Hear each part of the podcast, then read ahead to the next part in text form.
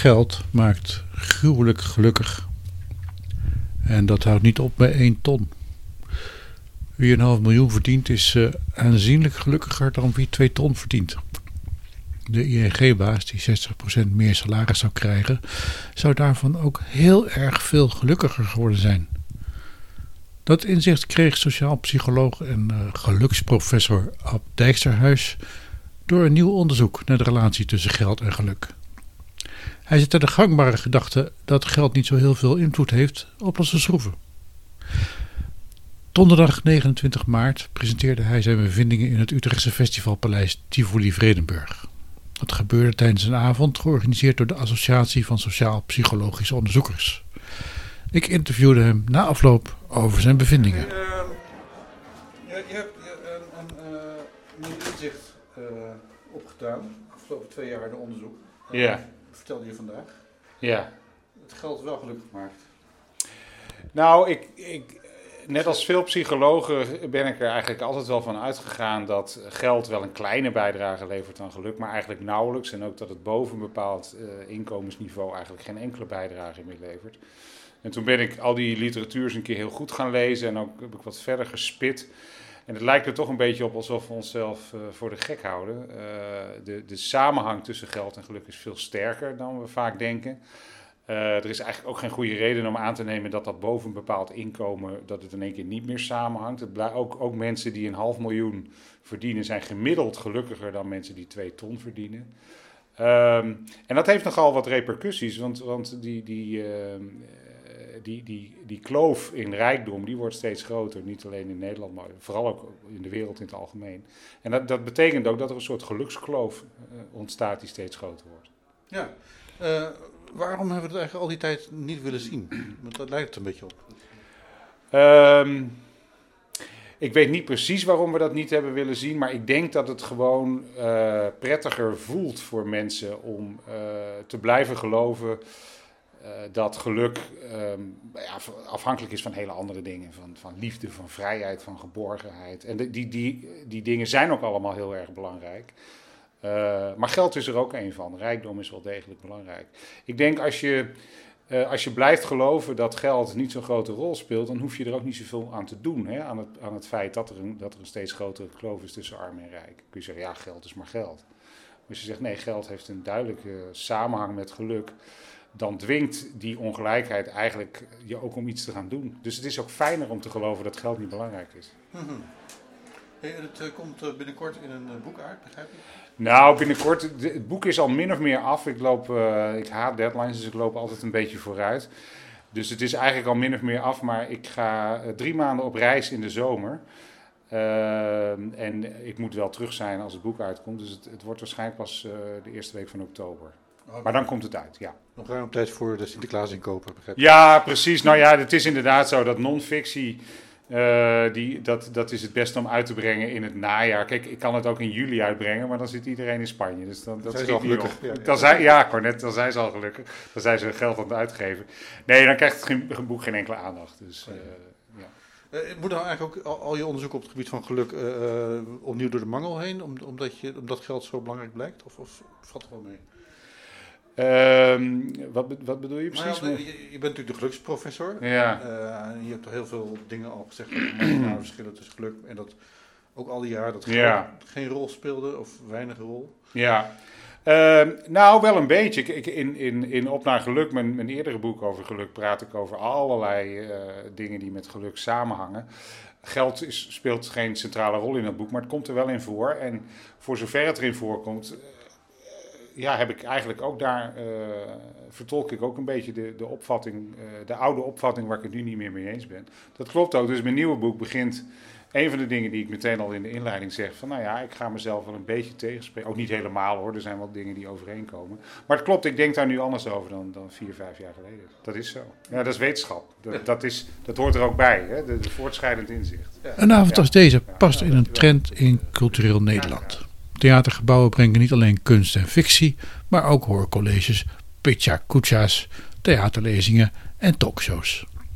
Het geldt niet alleen voor theatergebouwen, Ook de kunst zelf scheurt regelmatig dicht aan tegen de feitelijke werkelijkheid en kiest wel eens de vorm van een lezing of speech over waar gebeurde zaken.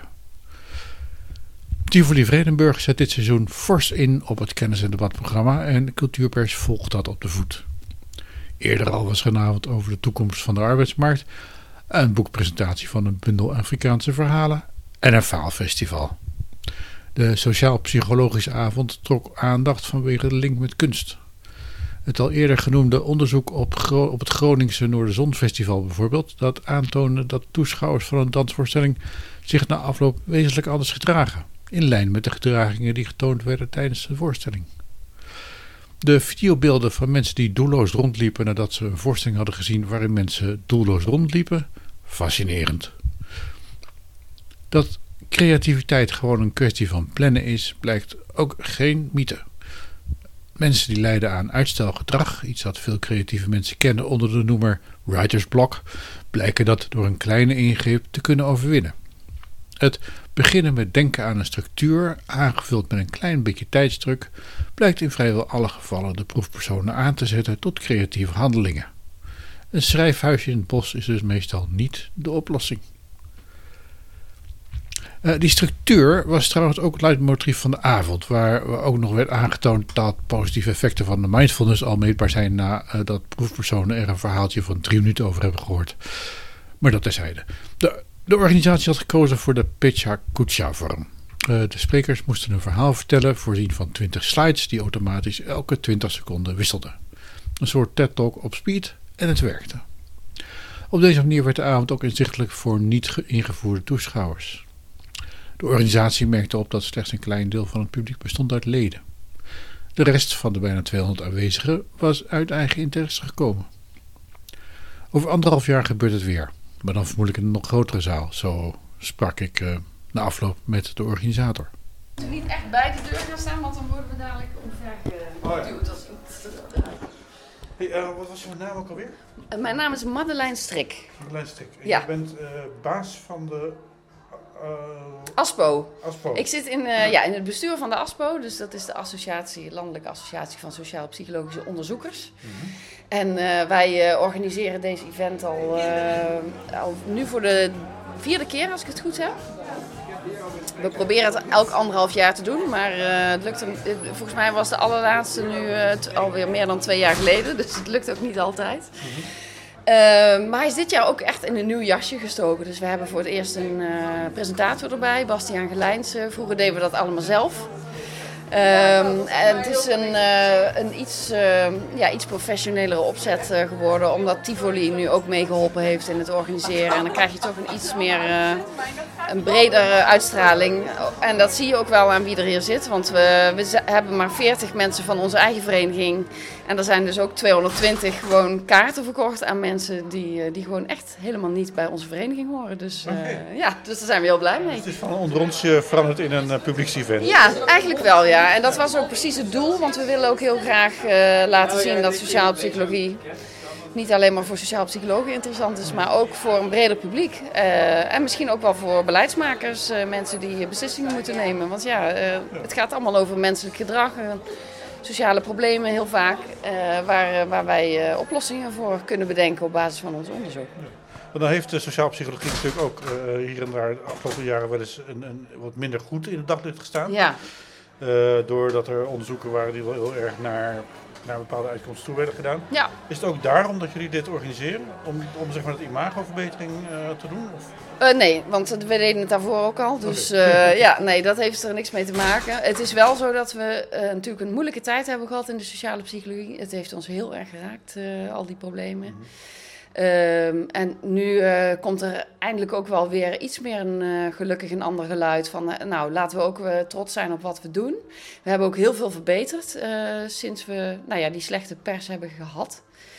we, hebben, we zijn veel nauwkeuriger met ons onderzoek bezig. We hebben, er, we, we hebben veel meer checks en balances om te controleren dat alle gegevens kloppen. En nog eens een keer nagaan en nagaan en nagaan. Dus we zijn honderdduizend keer beter dan vroeger. En nu wordt het ook tijd om weer eens trots te zijn op wat we allemaal doen.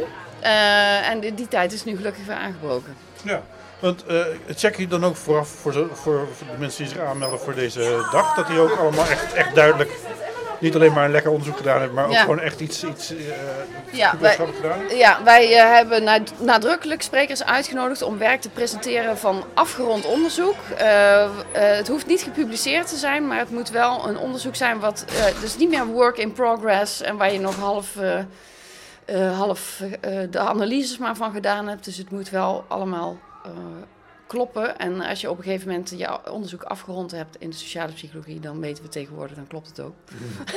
Want zo, zo, eh, zo stevig controleren we het ook wel tegenwoordig. Ja. Wat was jouw grootste nieuws vandaag? Eh, de, het grootste nieuws eh, wat ik heb gehoord is, ja, voor mij toch wel hoe je, creatieve, hoe je creativiteit kan plannen. Dat is misschien voor mezelf.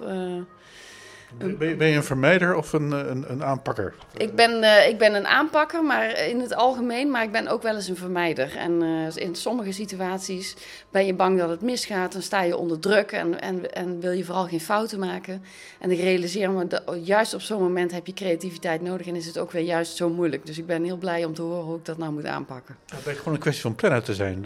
Ja, je kunt daar dus, je kunt inderdaad kennelijk je werk op een zo'n manier structureren dat je eh, creatiever wordt. En ik denk dat het heel leerzaam is, want veel mensen denken, ja, om creatief te worden, eh, dan moet ik misschien eh, in een hutje op de hei gaan zitten of moet ik in een of andere ehm, eh, ja, creatieve sessie meedoen of zo. Maar dit is toch een vrij onnuchterend antwoord eigenlijk over hoe je dat eigenlijk moet aanpakken. Nou, gewoon plannen. Gewoon plannen. Ja. Wanneer is de volgende event gepland? Eh, die is eh, hopelijk over anderhalf jaar. Dat is onze doelstelling. Maar dan zijn we ook weer afhankelijk van vrijwilligers die het willen organiseren. Dus elk jaar, elk jaar is het weer, weer spannend. eh, gaat het ons lukken? Maar ik denk wel dat we nu een editie hebben neergezet die, eh, die voor mensen echt eh, naar meer smaakt. En ik denk nu dat we volgend jaar makkelijker aan vrijwilligers eh, komen. Want dit jaar was het best eh, lastig. Oké. Deze toch een oproep. Ja, ja precies. Goed. Hey, dankjewel. Ja, graag gedaan.